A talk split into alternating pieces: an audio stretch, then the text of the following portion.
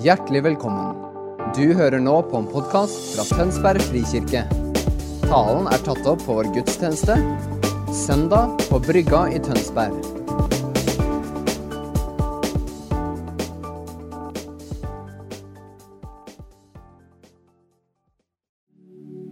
Takk, far, for ditt nærvær.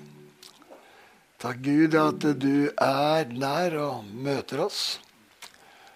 At du er her til stede og La oss få kjenne din godhet, din velsignelse og all din rikdom. Det er godt å være der Gud er det ikke det? Jeg kjenner, bare, jeg kjenner en sånn glede bare av å være sammen med dere. Så jeg blir glad. Så da kan jeg håpe at du kanskje kan bli glad òg. For, for, glede, vet du, det er en av åndens frukt. ikke sant? Det er en del av kjærligheten. Det er glede. Jeg har bare hatt så lyst til at Gud skulle få lov å øse sin glede over Guds folk, så vi blir de gladeste menneskene på jord.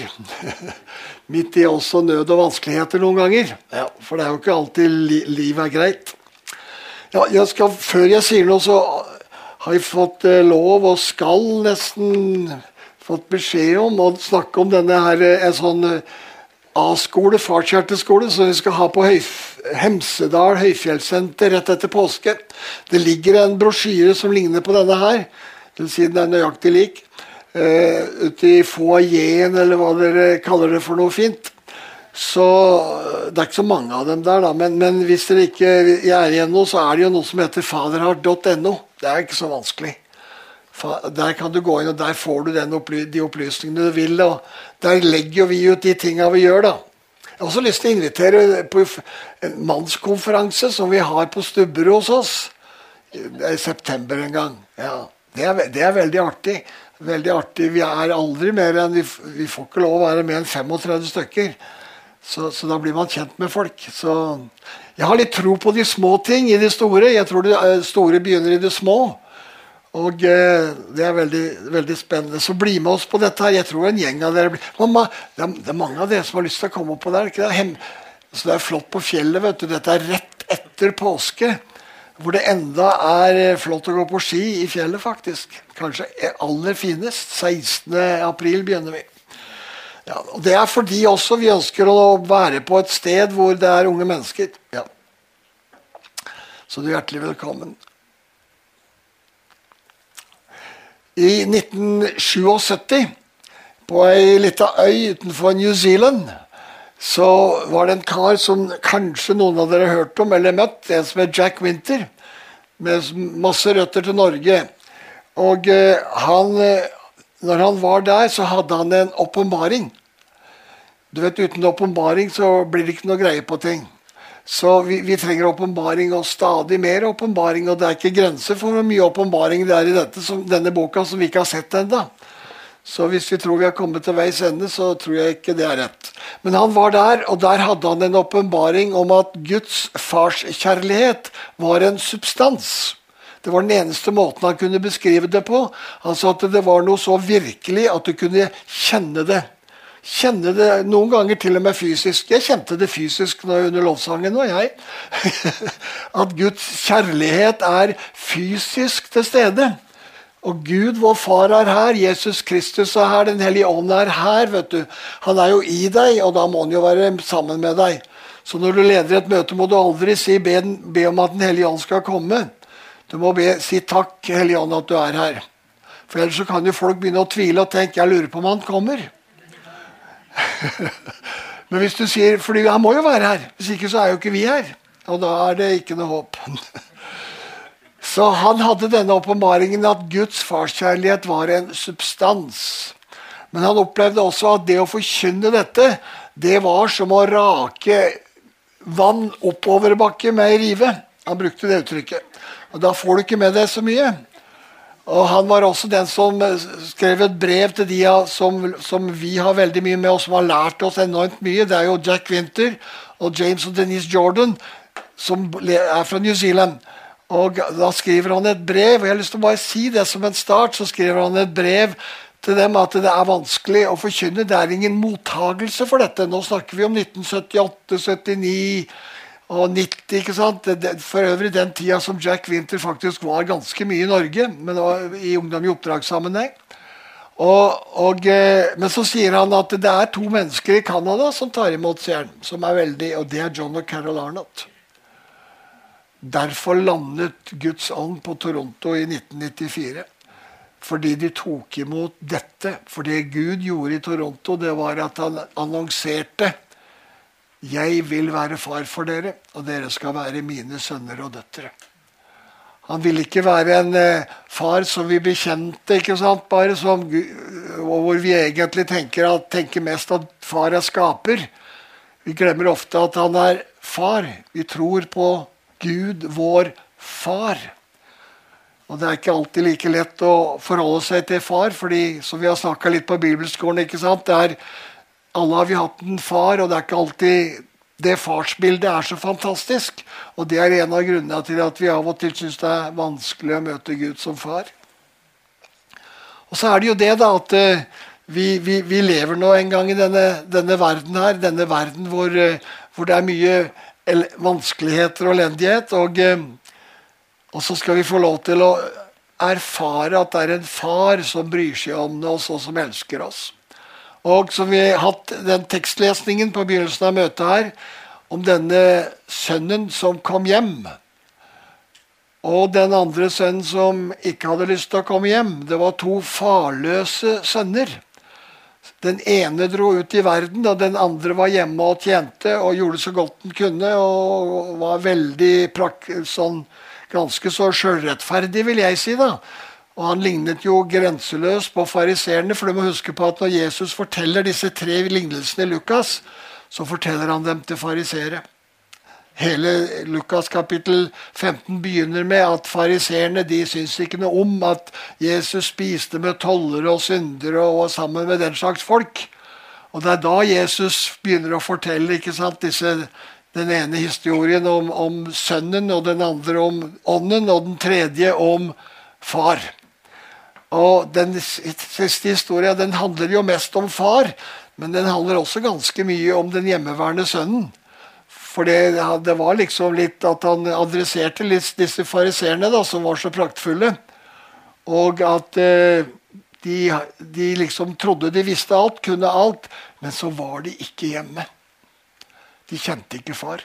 Så det det som er tragedien i denne historien. De kjente ikke far. Og... Eh, jeg kommer nok til det etter hvert, men det, var, det, var, det, er min, det, er mitt vitnesbyrd. Jobbet hardt for Gud, vet du. Voldsomt nidkjær som få. Nidkjær som få, altså. Vet du hva jeg skrev på russekortet mitt et, et halvt år etter at jeg ble frelst? Jeg satt i går og så leste jeg Ibsen litt. i. Og så, Ibsen har jo skrevet et svært dikt som heter 'På vidderne'. Og så avslutter diktet sånn. Han, det er jo masse greier. Det er jo kjempegreie, da, vet du, sånn som Ibsen drev til. Men så avslutter det sånn Nå er jeg stålsatt, for nå har han mista alt. ikke sant? Det er egentlig et kjærlighetsrelasjon det handler om. Men jenta han var så fryktelig glad i, hun har akkurat giftet seg med en annen en. Det er det diktet handler bl.a. om. Og nå er det liksom alt håp ute. Men sier han, nå er jeg stålsatt, jeg følger det bud der byder at høy, at høy, byder i høyden att vandre. Man brukte jo at, at på den tida. Og så kan de andre leve der nede i dalen, og så skal jeg leve her over, vet du. Og det, må ikke tro, det er sant, det, altså. Jeg skrev på russekortet meg skal man skrive noe morsomt. eller et eller annet sånt, ikke sant? Men nei, det, jeg var så nidkjær altså, at jeg skrev at nå er jeg stålsatt, jeg følger det bud der byder i høyden at vandre. Jeg måtte liksom bekjenne for all verden at skal han leve med Gud, så får han jammen gjøre det skikkelig. så det var meg som 18-19-åring. Så, så, så, og, og, livet mitt kom jo til å bli preget av det. Da, at, at, man skulle leve radikalt for Gud, og det er jo fantastisk. Leve 100% ikke 99 Som Einar Lundby sa, da, da får du alle utgiftene og ingen inntekter, sa han, hvis du lever 99% for Gud. Du må leve 100, for da får du både utgifter og inntekter. Jeg tror du får noen utgifter da. Jeg har jo erfart det. Men, men, men, livet blir spennende, og livet blir rikt. Så den teksten da, som vi akkurat har, har lest her, den har en parallelltekst, sånn jeg ser det, da, i Johannesevangeliet. Uh, og uh, jeg hadde lyst til å ta utgangspunkt i den. I Johannesevangeliet kapittel 14. Fordi at det, det, som denne teksten, denne historia som Jesus forteller om den hjemmeværende sønnen og den bortkomne sønnen, det er på mange måter tror jeg det er et slags sentrum i Lukasevangeliet. Sjølsagt eh, korset og alt dette andre. Men, men, men, eh, men, det er et sentrum fordi Jesus ønsker å fortelle noe veldig, veldig viktig. Og eh, i, i Johansevangeliet kapittel 14, midt inni et eh, kapittel hvor han snakker om Den hellige ånd og talsmannen som skal komme, og, og, at 'jeg er veien, sannheten og livet', sier Jesus. 'Ingen kommer til Far uten meg'. Og, og eh, vi som eh, er så gamle da, at vi var med Jesusvekkelsen. Det er sikkert noen her det, vet du, som opplever, opplevd 70-åra. Tidlig på 70-tallet. Og den fantastiske ilden som var over tenåringer hovedsakelig da, den tida. Det var jo en vanvittig brann ikke sant, uh, som gjorde at uh, man brukte alle midler for å evangelisere. Jeg husker noen av våre gutter. De, var jo, de røkte jo. Så de var jo ikke ferdig med det, og det er ikke sikkert man behøver bli ferdig med det heller. hadde de der sagt. Men, men, men de røkte. Altså, hvordan fikk de kontakt med folk? Jo, de gikk bort til folk vet du, som hadde de sigarettene. Altså, har du, har du fyr, liksom? Da, de, da, fikk de kontakt, vet du, og så kunne de fortelle om Jesus. Og, så det er mange måter å evangelisering på. Men det var jo en, en vanvittig brann og, så forkynte vi ikke sant? Jesus er veien, sannheten og livet. Det var hovedordet i Jesusvekkelsen, sånn jeg ser det. Og Vi hadde denne én finger at Jesus er veien. Og så forkynte vi det, da. Jesus er veien til himmelen, forkynte vi. Ja, For det var jo evig liv vi skulle ha. ikke sant? Så var veien til himmelen. Og resten av det der verset der, det passet ikke inn i Jesusvekkelsen. For det var, eh, det var far.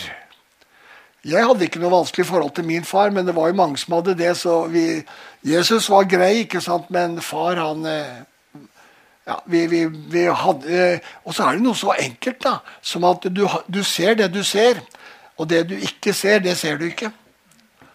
Og da kan du lese til du er blå, og du ser faktisk ikke det som står der. Før Guds ånd åpenbarer det for deg, og du ser Er det det det står? Ikke sant? At jeg er veien, sannheten og livet. Ingen kommer til far uten ved meg. Og eh, Jeg pleier av og til å fortelle om Derek Prince. som i 19, og Det er interessant at denne åpenbaringen har han etter det som har skjedd i Toronto. I 1996 forteller han i et nyhetsbrev i 1998 så skriver han et, et spennende nyhetsbrev, og så skriver han om eh, sin egen hvordan han selv opplevde plutselig å kunne si at Gud er min far. Han hadde jo undervist om det. En fantastisk bibellærer. ikke sant? Vi kjenner til Derek Prince. Det er fantastisk å høre på han og lese det han har skrevet òg. Men, men, han hadde ingen åpenbaring om at Gud var far. Noe han trodde han hadde. Det er det som er problemet. vet du, at Noen ganger så tror vi at vi har det vi ikke har.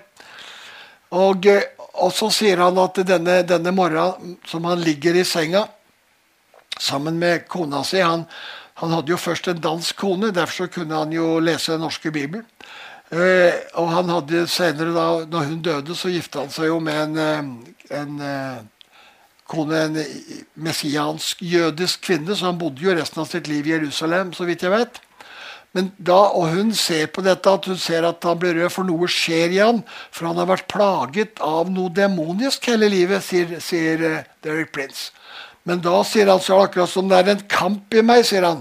Det er noen her som, som kommer Og det mener han er da Guds ånd som kommer opp og så vinner den, og så plutselig forsvinner dette som har plaget han hele livet siden han vokste opp i India og var preget, sikkert blitt litt sånn influert av negative åndskrefter der.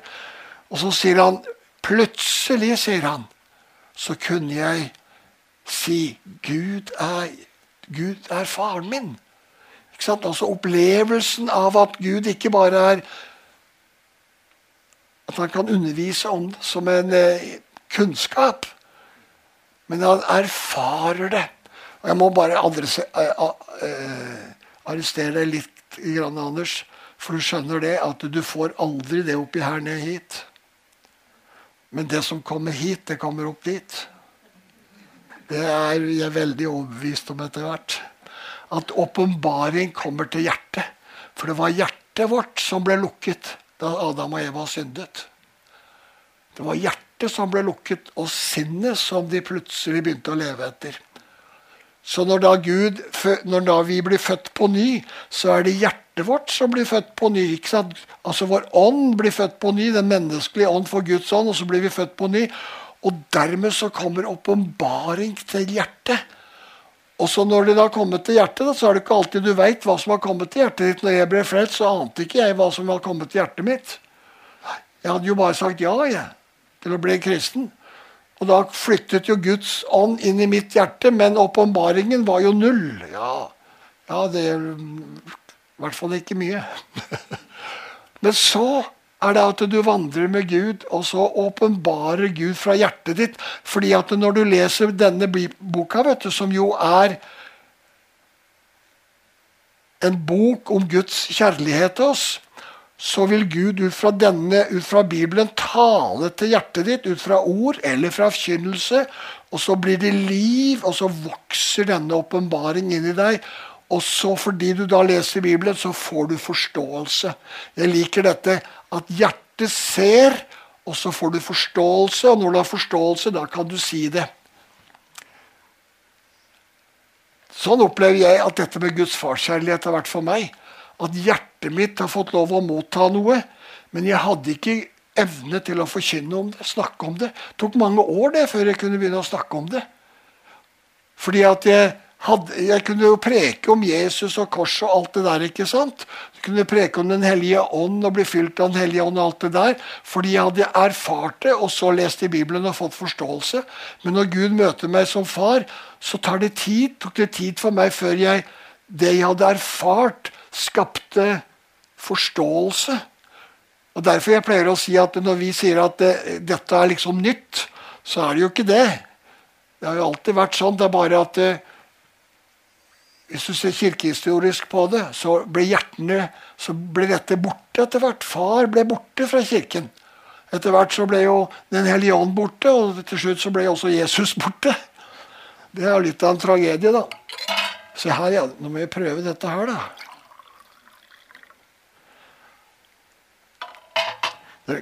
Blir dere tørste når dere ser dette her? Det er fint å drikke, vet du. Åndelig òg. Jeg pleier å jeg pleier å si det, ikke sant? Så James Jordan han sier du, du hører ikke på predikanter, sier han. Du drikker dem. Det er hvis de ikke er veldig tørre, da.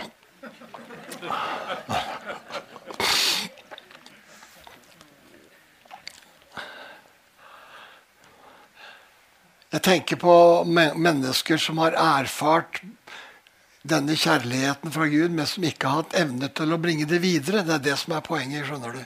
Og Det er det Gud har gitt oss etter Toronto. Så sa Jack Winter at nå har bakken snudd. han. Før så kunne du rake vann oppoverbakke og ikke få med deg noe. Men nå er bakken snudd. Nå er det en helt annet klima. For du skjønner, Det er sånn. Det var sånn med Den hellige ånd ikke sant, etter Asus og Strut. Det var sånn med Martin Luther òg. At, det, at etter var jo mange som hadde åpenbaring før Martin Luther. Johan Huss og mange. ikke sant? Men det var etter reformasjonen det. Da var det akkurat som Nå skjer det. Nå kommer tilbake, nå får vi igjen det vi har mista. Det er det som skjer nå. Vi er i ferd med å få igjen det vi har mista.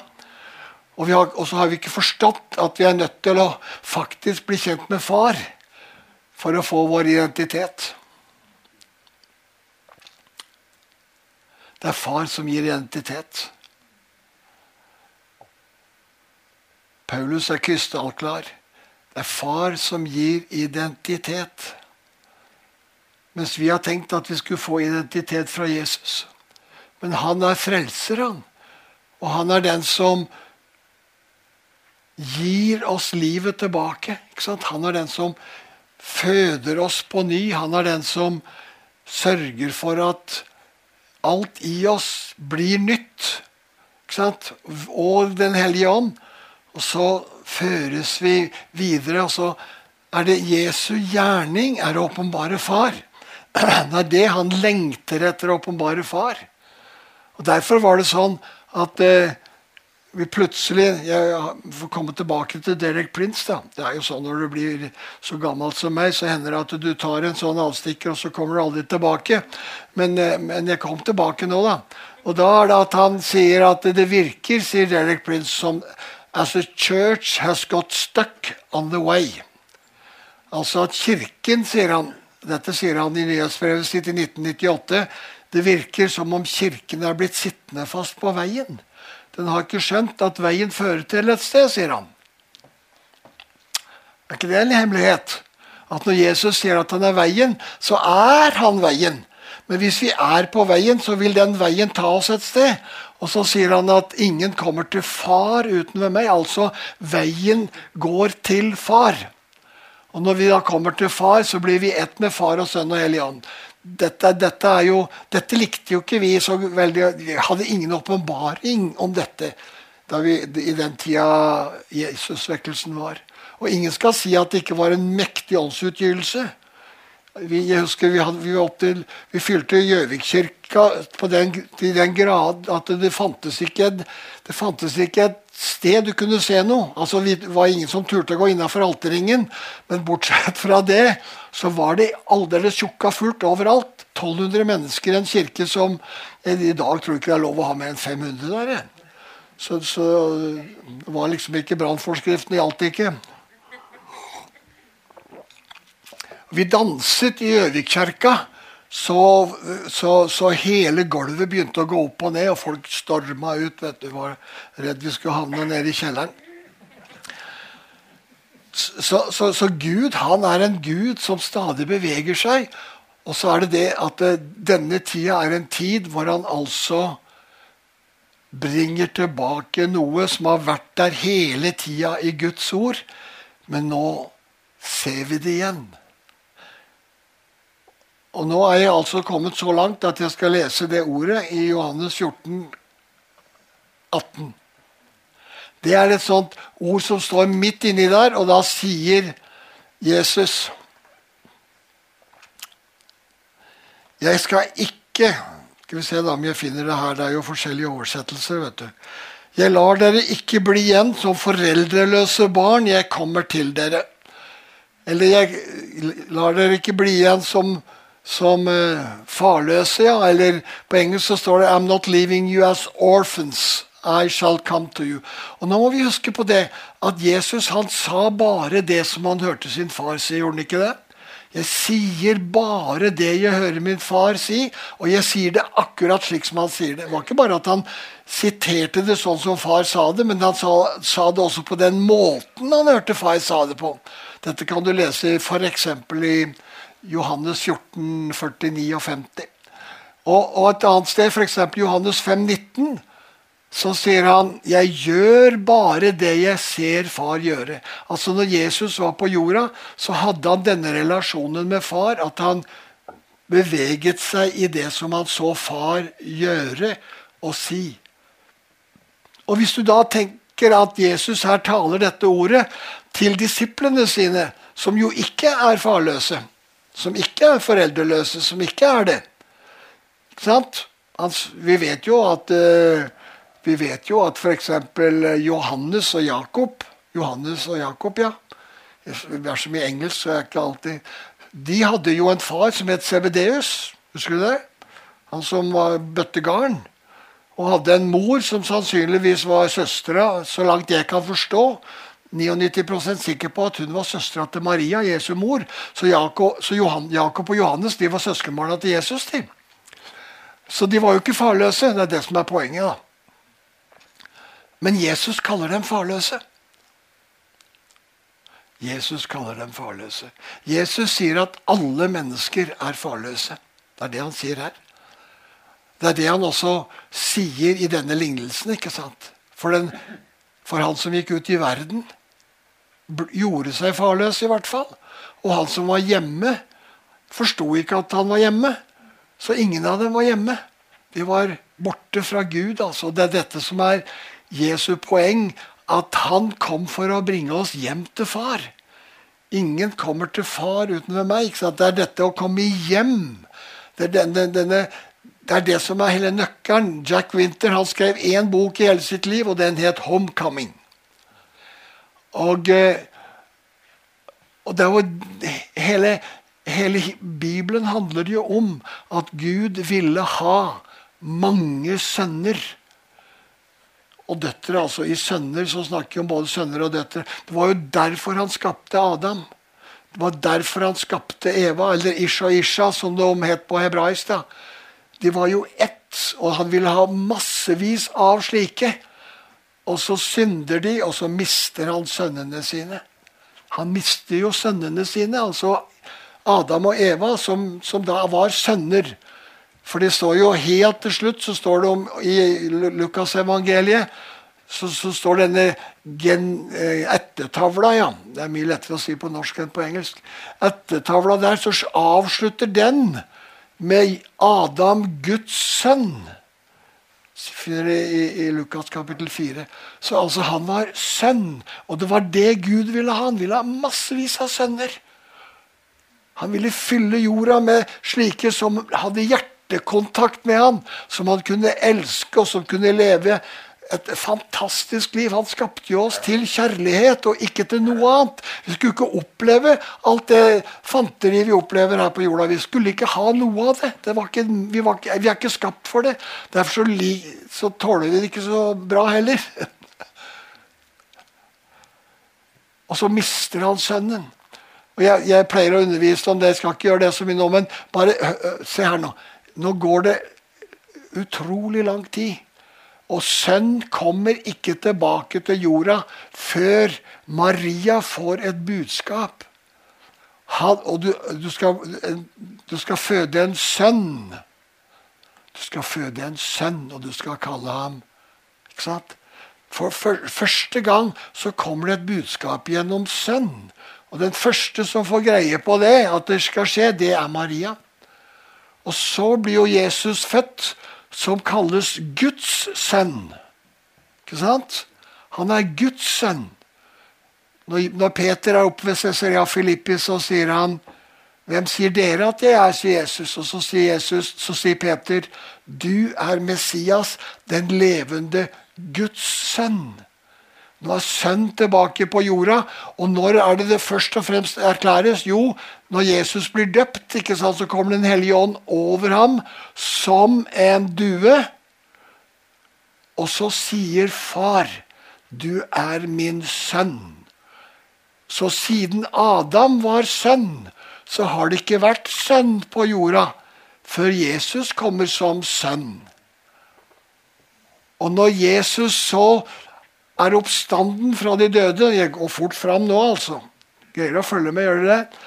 I, så står det i, i Johannes 20, 17, altså i oppstandelse, når Maria skal berede Jesu lik, som hun tror hun skal. Men han er jo ikke der, han er i oppstanden. Og, og, og så tror hun at gartneren, da, som hun ser, som viser seg å være Jesus, da, så sier Jesus dette fantastiske. Gå, sier han. Gå til mine brødre. Legg merke til hva han sier nå. Gå til mine brødre. Altså Nå kaller han dem ikke disipler og ikke apostler, men nå er de plutselig blitt brødre. Altså familie. Sønner. De er blitt sønner, for siden de er Jesu bror, så må de nødvendigvis være Guds sønn, siden han er Guds sønn. Nå er plutselig, så sier Jesus fra nå av, så skal det bli millioner av sønner på jorda. Gå til mine brødre, for jeg er ikke faret opp til min Gud og deres Gud, min far og deres far. Så han altså proklamerer nå at sønn er tilbake på jorda. Det Gud hadde lengtet etter, og som var ideen i Guds hjerte da han skapte Adam og Eva, nå i Kristus, som har som, eh, som, har sonet all verdens synd. Og når han døde på korset, så for, revnet jo forhenget i tempelet. Og hvorfor? Slik at far igjen kunne komme ut. For far kunne ikke møte oss før synden var sonet og, og straffen betalt. Da kan far komme ut. Og når da far kommer ut, og Jesus er oppstanden For det måtte jo godtgjøres at Jesus var oppstanden. Når Gud reiste han opp fra de døde. Og da kommer denne proklamasjonen. Sønn. Sønn. Ser dere det? Det er det som er Guds hjerte. Og Hvis du tenker på denne historien vi akkurat har hørt lest, som har stått oppå der, skutt, der og, som Anders leste, så, du, så hører du det at denne sønnen som kommer hjem, og som ikke syns at han er verdt å være sønn han syns jo ikke det. Det, det syns sikkert ikke du heller, det at du er verdig. Fort gjort, ikke, fort gjort, å gjøre et eller annet som gjør at man ikke syns man er verdig. Og, og, det er jo akkurat det som er hans plan. Jeg er ikke verd å, å, å være sønn. Men, sier han, kan jeg være tjener. Men far, sier Jesus, bryr seg ikke om det. Det er ikke det som er poenget her. Men er det ikke sant da at Kirken i flere århundrer har tatt denne bekjennelsen til denne bortkomne sønnen til vår bekjennelse. Jeg er ikke verd å være sønn, så la jeg være en tjener. Derfor kaller vi oss tjenere. Fordi vi har tatt den biten istedenfor å høre, ta resten av historien, for det blir for voldsomt for oss. Det blir nesten for mye av det gode. At, at, at far hører ikke på han. Det er det Jesus sier. Far hører ikke på han. Og, han bare set, sier til disse andre tjenerne sine set, Gå i gang, gi ham den beste drakta. Ja, det må jo være festdrakta til far, det, da. Som han får. Og så får han alt ikke sant? Blir erklært tilbake som sønn i ett og alt. Og Jeg husker første gang jeg hørte James Jordan talte om dette, så sa han denne setningen som gikk rett i hjertet på meg, og som sitter der en dag i dag. La oss gi Jesus det han døde for. La oss gi Jesus det han døde for. For hvis du går rundt og kaller deg tjener, så har du ikke tatt imot det Jesus døde for. Han døde, ikke for at du skulle bli tjener. Du skal få lov å tjene. Ja, ja, jeg står her jo og tjener. Håper jeg. Jeg står jo her og tjener. Er jo det, det er å forkynne er annet å tjene. Og vi tjener hverandre, så det er noe vi gjør. Men det vi er Jesus døde for at vi skulle få være sønn. Det er vår Det er jo fantastisk. Vi skjønner jo det, gjør vi ikke det? Og det er falsk ydmykhet å gå rundt og kalle seg tjener i identitet. Når vi i identitet får lov å være sønn. For det er da vi gir Jesus det han døde for. Og Hvis du syns det er for mye, så kan du jo lese resten av Bibelen, så ser du jo at det er sånn det er. F.eks. Paulus, når han sier i Galaterbrevet 4,6 at Sønnens ånd Jeg siterer nå veldig direkte. Sønnens ånd er kommet inn i vårt hjerte. Og hva er det Sønnens ånd sier? Abba, far, sier Paulus. Sier ikke master.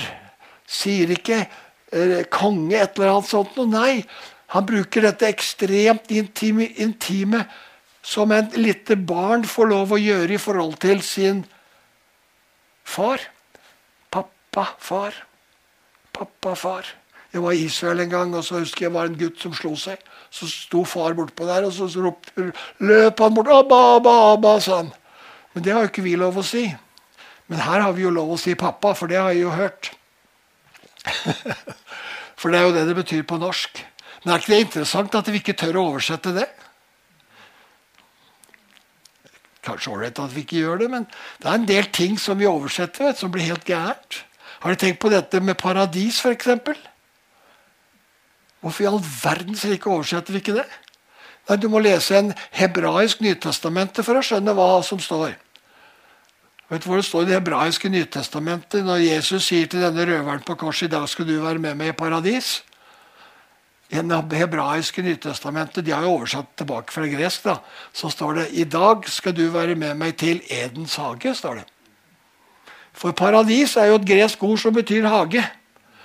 Så det syns du nok var for gærent å oversette det med hage. Så derfor har alle oversettelser i hele verden ført inn dette rare greske ordet paradis, og vi ikke skjønner hva det handler om. Det handler jo faktisk om at når Jesus henger på korset, så gjør han noe så ja, nær sagt utilbørlig som å la denne røveren få lov å komme tilbake til Edens hage før noen andre. Er ikke det fantastisk? Men du får jo ikke tak i det hvis du ikke skjønner at det er det det betyr. Så nå vet du at du behøver ikke tenke sånn. Der, eh, nå kan du få lov å få et nytt begrep. At paradis, det er faktisk Jesus. Han tenker da at i Edens hage, det er jo dit vi skal tilbake. Ja, mer enn det. Men i hvert fall det. Er ikke det fint? Alt dette ligger i evangeliet. Og så er vi altså ikke mer farløse når vi kommer hjem og får lov å erfare vår far. Og det er jo smerten. Hvor mye tid har vi? Jeg skal ikke slite ut folk, jeg. Begynner å nærme meg, ja. Altså, Jeg liker å ha et litt sånn fritt forhold til ting. Jeg, jeg kan ikke få lov, må, må bare få være den jeg er. Så, så, vi skal, så, vi skal, altså få lov til å kjenne oss elsket som den vi er. Og eh, noe av det som kom til Dere hørte kanskje denne sangen til eh, Mac Brook. Mac Brook. Fantastisk sang som vi spilte i begynnelsen av møtet her. Om at vi er elsket, vi er elsket, vi er elsket. Og vi vet bare ikke hvor høyt vi er elsket. Vi vil aldri skjønne det i dette livet, hvor ekstremt høyt vi er elsket, hvor stolt vår far er av oss. Hvor det er ingen fordømmelse, det er ingen, det er ingen anklager. Det er fordi han vet at Jesus har betalt alt. Og Noen ganger så har vi ikke skjønt det at Jesus har betalt alt. Og at hvis vi prøver å betale, så ødelegger vi noe av det Jesus har gjort. nesten altså. Derfor skal vi få lov å ta imot. Og dette er nåden, denne fantastiske frihetens nåde, som jeg kjenner er veldig til stede i, dette, i, i denne menigheten. Det skal dere jammen være takknemlige for. At dere får lov å kjenne på friheten i nåden. Friheten til å være deg sjøl. Friheten til å begynne å gå for egen motor. Ja, ikke sant? Å bevege deg slik ånden driver deg. Ikke slik alle andre prøver å drive deg. hadde jeg er sagt. altså, du får denne vidunderlige friheten. Så la meg bare si litt om det farløse. For når Jesus sier at vi alle er farløse, så betyr det jo at vi mangler far.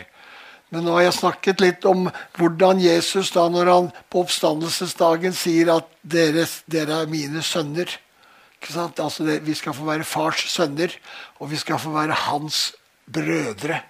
Det er det Jesus sier. Og Derfor så elsker jeg dette verset. og Du må gjerne gå hjem og lese det, Johannes 2017, fordi det setter for meg en skille i verdenshistorien. Fra nå av er vi som tar imot Jesus, sønner av far. Enten du er mann eller kvinne, så er du altså sønn. Men du kan få lov å være datter. ikke sant? Og, der, og her ligger dette ordet sønnekår. Ofte så står det i vår bibel barnekår, men det er, egentlig er det riktig å oversette det med sønnekår. skjønner du? Fordi barnekår det er noe vi har brukt fordi at vi ikke skal liksom Ja, for det er greit både for menn og kvinner. ikke sant? Mens f.eks. engelske bibler bruker jo sonship. Og, og, Det er samme ordet på gresk da, for barn og sønn som er brukt her, så det er riktig begge deler. Men, men, det gir sånn ekstra mening fordi Jesus var sønn, og i ham får du lov til å være sønn av den far som er rik, og som har skapt himmel og jord og hele universet. Og det er ingen grenser for hans velsignelse og hvile og fred som skal bli deg til del. Og når du da sjølsagt kommer hjem til far og erfarer fars kjærlighet, denne substansen da som, som Jack Winter snakket om, ja, så veit du det, at du kan slappe av. Og ut av ditt hjerte, idet du begynner å leve mer og mer i dette sønnekåret, så vil du begynne å kjenne denne sønnens ånd. Og hva gjør hva er det sønnens ånd gjør? Jo, den roper 'pappa'.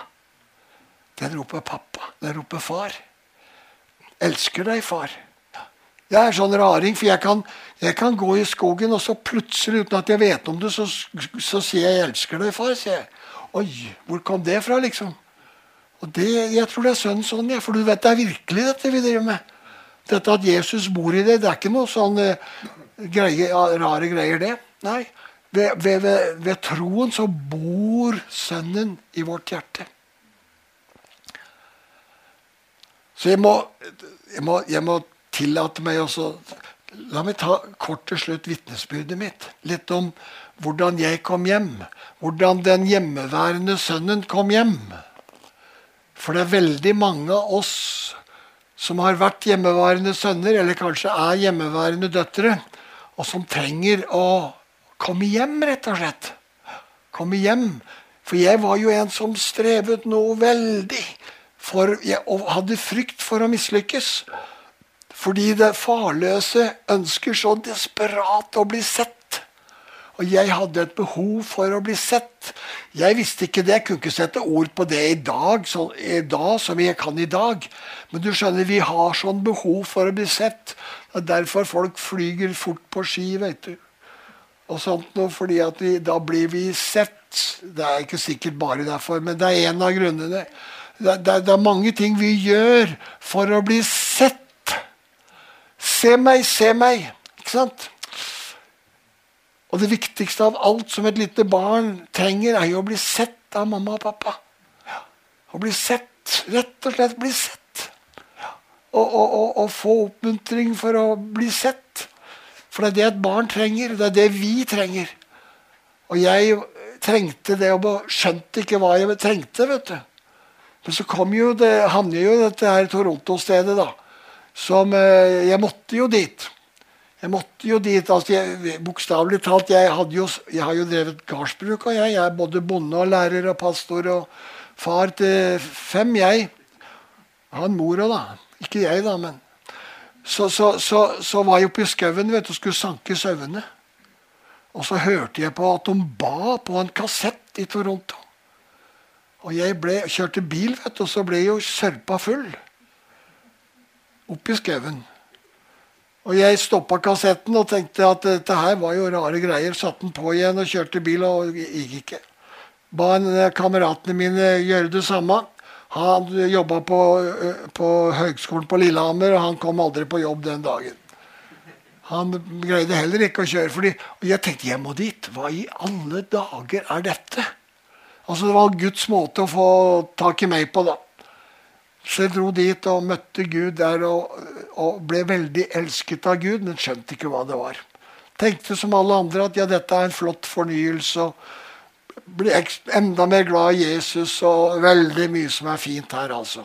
Og jeg elsket alt, jeg, fordi jeg kjente igjen Jesusvekkelsens ånd. Men, men, men hjertet mitt hadde ikke blitt forløst. Jeg var fortsatt farløs fortsatt farløs. Og For å gjøre en lang historie kort, siden vi ikke har to timer, så Så dro jeg tilbake til Toronto med hele familien. Kostet oss 120 000 kroner. Eh, en sommer i 2001. Og gjennom en undervisning da en kar som het Jack Frost, så følte jeg meg mer ødelagt enn noensinne. Og tenkte at jeg har vel ikke gjort noe riktig i livet i det hele tatt. Det er helt sant. Det var sånn jeg kjente det. Men dagen etterpå vet du, Det er ikke det at du må ha det så fælt for at det skal bli bra. Altså. Men, Men dagen etterpå så lå jeg bare og soka. Jeg har jo gjort mye det ligge på gulvet vet du, og solke. Det var jo noe av det vi gjorde den tida, og som vi fortsetter å gjøre, og som jeg tror dere gjør her også. For det er noe med å ligge på gulvet og bare være stille og være sårbar. Er du klar over at du er veldig sårbar vet du, når du legger deg rett på ryggen på gulvet? Folk kan jo komme og tråkke på deg. Og, og så lå jeg der den torsdag ettermiddag husker jeg, i 2001, i slutten av juli. Og idet jeg ligger der, så ser Gud denne farløse gutten som ligger der. Jeg var ikke bare gutt, da. Jeg var jo sikkert kanskje 55 år blitt. Så jeg var jo blitt voksen. I hvert fall utvendig. Og Idet jeg ligger der, så kommer denne stille stemmen. Altså, det, er, det, er, som du kan hviske, det er som vi kan høre det sjøl. Altså, liksom, du? Det å høre Guds stemme, det, det, er jo ikke så komplisert som vi tror. Det er ganske enkelt. Og så kjenner jeg at, at far taler til meg. Kanskje første gang ordentlig at det er han som kommer. Og så sier han I'm taking you home, son. Jeg var i Canada, vet du. Jeg, jeg tar deg hjem, sønn. Og legg merke til hva han sier. I fem, fem ord. Og Hvis dere hadde hørt på den sangen i begynnelsen, så, så sang han 'It changes everything'. It changes everything. Det å møte far, altså. Det forandret alt. For jeg, det han skjønte, var at jeg trengte å komme hjem. Inn i fars armer. Akkurat som Jesus var i fars armer hele tida, så trengte jeg å komme inn i fars armer. Og så kalte han meg sønn. Han sa ikke 'Jeg tar deg hjem, tjener'. I'm taking, 'Jeg tar deg hjem, sønn'. Og jeg skjønte det, det, det, var jeg skjønte bare at nå er jeg hjemme, nå er jeg sønn. Nå trenger ikke jeg å frykte for å mislykkes. Jeg trenger ikke å være redd for noen ting. Jeg er jo, For jeg skjønte at jeg var sønn, Jeg, jeg skjønte at jeg var gutten hans. Jeg. Jeg skjønte at liksom, nå er det ikke så farlig om jeg lykkes eller mislykkes. Nå er det ingenting som spiller noen rolle mer. Så det spiller ingen rolle om dere liker meg eller ikke liker meg. Liksom. Det, det, det, er bare ditt problem det hvis du ikke liker meg, for Gud liker meg. Ja, ja, det var noe sagt. Men, men, men, forstå dette, denne friheten som kommer i sønnekåret. Den enorme friheten som kommer. Vokser fram.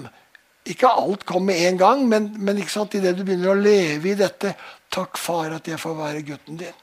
Takk, far, at jeg får være sønnen din. Det var min bønn, eneste bønn i to-tre uker framover. Det var ikke noe annet som kunne komme ut av meg. liksom. Fordi takknemligheten var så grenseløs at jeg fikk være gutten til far. Jeg fikk være gutten til far. Jeg fikk lov å være det som jeg var skapt til å være. Og det er det vi får lov til. Vi får lov til å bli det som vi var skapt til å være. Du vet, Paulus sier før verdens grunnvoll ble lagt, Efeserbrevet 1,4, var du utvalgt i Kristus Jesus. Så du har ganske, eksistert ganske lenge, altså. Det var bare det at Hvis du leser videre i Apostelens gjerning kapittel 17, så vil du se at eh, Paulus snakker om at eh, vi, ble, vi, kom den tida Gud hadde planlagt. Og, så Derfor har det tatt litt lang tid da, før vi kom, i forhold til de som er eldre, eller som er døde. Men, men Gud har altså en plan. Vi er utvalgt til å være sønn i Hans rike. Passende hvem han er som far. Jesus var fullkommen sønn. Nøyaktig lik sin far, men han var, ingen far, var ikke far, han var sønn. Han er vår bror, og han skammer seg ikke over det, står det i brevbrevet. Derfor kan vi få lov til å komme hjem. Og vi kan få lov til å være sønner, og vi kan få lov til å være grenseløst takknemlige for at vi får lov til å være sønner og døtre. Dette er, dette er for meg så har jeg liksom fått tak i evangeliet, syns jeg. Jeg har fått tak i at evangeliet er gode nyheter fra begynnelse til slutt. Det er virkelig gode nyheter. Altså. For evangeliet har ikke alltid vært gode nyheter for meg. Altså, det, har, det, har, vært mye bra, men, men, men det er blitt så veldig gode nyheter. Så nå skal jeg slutte. Og så skal jeg slutte med å med noe veldig enkelt. Fordi vi kan jo få lov å komme hjem, vet du. Hver eneste en av oss kan få lov å komme hjem og få trøst. Ja. Far er trøster. Den hellige ånd er trøster.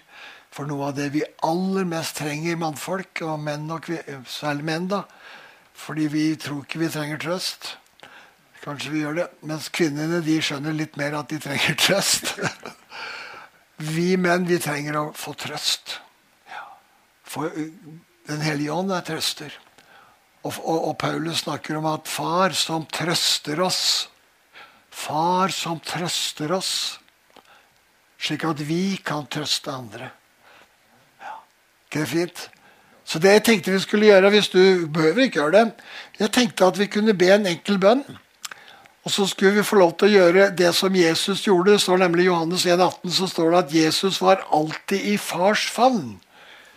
Jeg, jeg, liker ikke å ta rundt meg med briller i lomma. Jesus var alltid i fars favn. Tenk på det. Så hvis du vil, så kan du få lov til å gjøre sånn. Du kan ta, og så er det, ta armene rundt deg sjøl, da. Og så skal vi be en enkel bønn sammen. Og den bønnen og Da kan du be etter meg. Så kan du, kan du si sånn som jeg sier. Takk, far. En gang til. Takk, far. At mine armer er dine armer. Akkurat nå.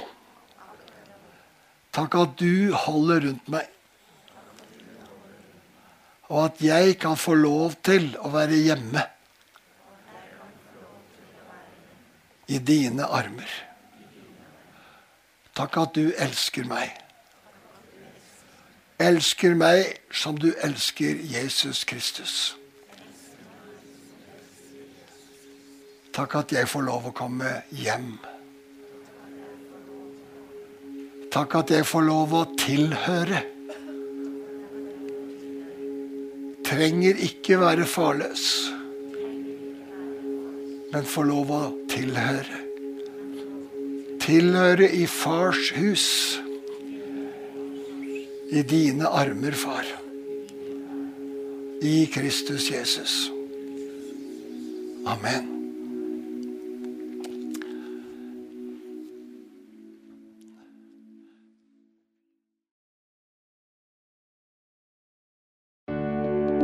Takk for at du hørte på vår podkast.